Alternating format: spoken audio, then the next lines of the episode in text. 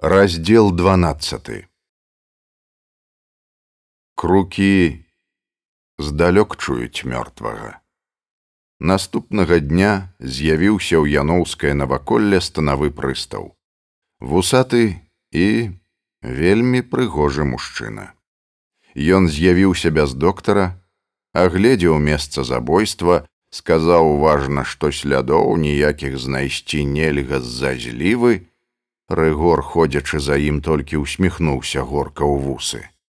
Пасля агледзеў цела забітага, пакруціўшы белымі пульхнымі пальцамі яго галаву і пасля сказаў: « Ну і пеканулі, адразу лёг.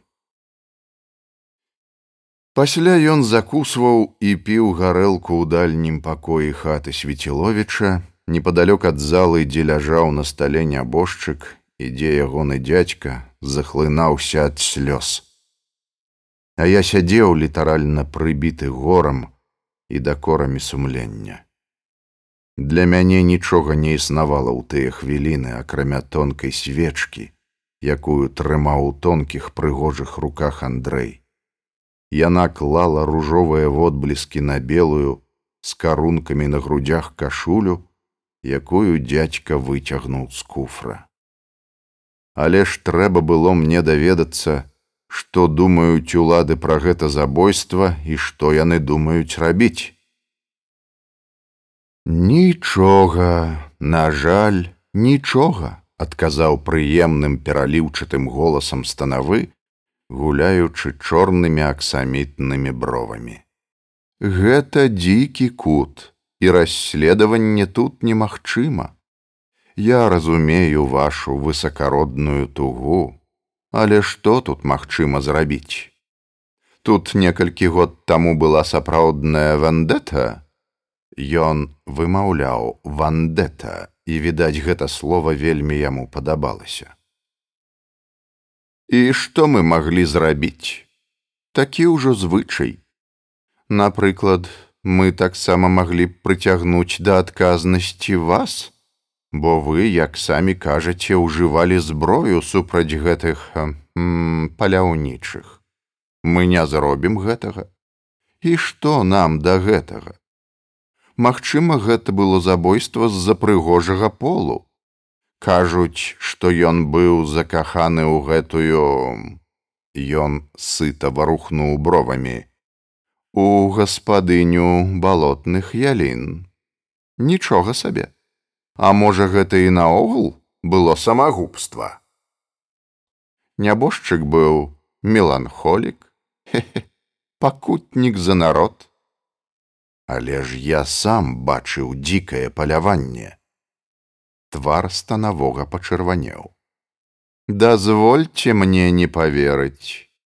Казкі аджыліс. Мне здаецца, што наогул ваше знаёмства і з ім трошкі падазронае. Я не хачу наводзіць на вас цень, але вельмі падазроным з'яўляецца таксама тое, што вы так упарта імкнецеся звараціць увагу следства на другіх, на нейкае дзікае паляванне. Я выцягнуў з запісной кніжкі закалены аркушык паперы. У мяне ёсць дакумент, што яго выбавілі з хаты. Твар станавога зусім пачырванеў, вочы забегалі. Які дакумент? жадобна спытаў ён, і рука яго працягнулася да мяне вы павінны перадаць яго следству і калі пабачыць што ён чагосьці варты яго падшыюць да справы. Я схаваў аркушык.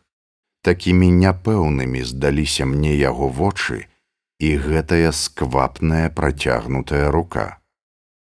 Я сам перадам яго калі і каму палічу патрэбным. Ну што ж станавы праглынуў нешта.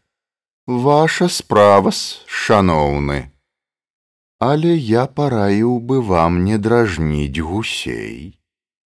Тут варварскае насельніцтва, і ён шматзначна паглядзеў на мяне. могуць і забіць. Я гэтага не вельмі баюся. Скажу толькі, што калі паліцыя займаецца замест прамых спраў разважаннямі, самі грамадзяне павінны абараняць сябе. А калі выканаўчыя ўлады прыкладваюць усе намаганні, каб толькі замяць справу, гэта пахне вельмі непрыемна і штурхае людзей на самыя нечаканыя думкі. Гэта што? Бровы станавога карцінна папаўзлі некуды да валос. Абраза ўлад? Крый мяне Божа! Але гэта дае мне права даць копію з гэтага ліста некуды ў губерню. Справа вашая, станавы пакалупаў у зубах. Але паслухайце, дарагі пан беларэцкі, трэба прымірыцца наўрад ці нават у губерні будзе прыемна начальству, калі яно даведаецца, што вучоны так абараняе былога крамольніка. Ён галантна, грудным барытонам умаўляў мяне. Бацька не мог бы быць такім уважлівым да сына. Чакайце, спытаў я, У нас што ёсць закон, па якому лібералы аб'яўляюцца па-за законам, агалошваюцца парыямі, мярзотнік можа іх забіць і не несці адказнасці. Не перабольшвайце, дарагі беларэцкі, з пыхатай самазадаволенасцю сказаў прыгажун. Вы схільны перабольшваць жахі ў жыцці. Гэты неразумны хрэн, іншага слова я не магу падабраць. Лічыў, напэўна, што смерць чалавека перабольшванне жахаў. А я вам кажу, сказаў я з запалам, што справу трэба перадаваць у суд, распачаць судовае даследаванне. Тут злосная задума. Людзей тут робяць вар'ятамі і, вядома, з намерамі на ўсю ваколіцу яны наводзяць жах, тэрарызуюць народ, забіваюць людзей. На твары станавога блукала памяркоўная усмешка. Ён прыхлёбваў чаёк. Не варта, не варта так, дарагі пане. Народ ад гэтага цішэе. Забіты быў па чутках нявольны ад бахусавай забавы і наогул такім небяспечна выказваць яўнае спачуванне. Палітычна ненадзейны, не варты даверу, нядобранамерны, амаральны, не спрыяючы добрым норавам і яўны сепаратыст, мужычы жаласнік, так бы мовіць, рыдалец над малодшым братам. Я быў раз'юшаны, але пакуль што стрымліваўся. Мне не выпадала сварыцца яшчэ і з паліцыяй. Вы не жадаеце ўмешвацца ў справу па забойству шляхціца свеціловіча. Крый Божа, крый Божа, перабіў ён мяне. Мы проста сумняваемся, ці ўдасца нам яе разблытаць і не можам прымушаць нашага следчага прыкласці ўсе сілы для вырашэння справы аб чалавеку, які ўсім сумленным, сапраўдным сынам нашай вялікай радзімы быў глыбока антыпатычны накіраваннем сваіх думак. І ён з чароўнай ветлівасцю зрабіў далонню жэст у паветры. Добра. Калі імперскі расійскі суд не хоча прымушаць следчага па справе аб забойстве шляхціца свеціловіча, дык можа ён захоча прымусіць следчага разблытаць справу пра замах на розум і самаё жыццё надзеі яноўскай, гаспадыні балотных ялін. Ён здагадліва паглядзеў на мяне, паружавеў ад нейкай прыемнай думкі, плямкнуў некалькі разоў поўнымі чырвонымі, вільготнымі вуснамі і спытаў: « А вы што тут так за яе распінаецеся? Напэўна, самі скарастацца вырашылі, га? Што ж ухваляю, У ложку яна, напэўна, гучыць нядрэнна. Кроў кінулася мне ў твар. Ноздры раздуліся. Абраза няшчаснаму другу. Абраза каханай, якую я нават у думках не мог назваць сваёй, зліліся ў адно. Не памятаю, што тут было далей, як апынуўся ў маёй руцэ нейкі карбач, я прысвісцеў глоткай: ты, ты, гніда. І пасля змаху аперазаў яго карбачом па ружова смаглым твары. Я чакаў, што ён адразу выхапіць рэвальвер і заб'е мяне але гэты здаровы мужчына толькі войкаў. Я стукнуў яго яшчэ раз па твары і пасля гідліва адкінуў карбач. Ён выбег з пакоя, пачвалаў ад мяне з нечаканай хуткасцю і толькі сажняў праз дзвесце падаў голас, закрычаў: «Гвалт! Рыгор, калі даведаўся пра гэту справу, не ўхваліў мяне. Сказаў, што я сапсаваў усё, што праз дзень мяне, напэўна, выключуць у павет і, магчыма, дадуць тыдзень або вышлюць за павятовыя межы, а я патрэбен тут, бо пачынаюцца самыя цёмныя ночы. Але я не шкадаваў. Уся нянавісць моя вылілася ў гэты удар і няхай павятовыя ўлады пальцам аб палец не стукнуць, каб дапамагчы мне. Але затое цяпер я добра ведаю, хто мой друг, а хто вораг. Астатнія падзеі гэтага і наступнага дня вельмі смутна адлюстраваліся ў маёй памяці. Горка ў захлёб плакаў над нябожчыкам стары добры дубатоўк які ледзь рухаўся яшчэ ад майго пачастунку.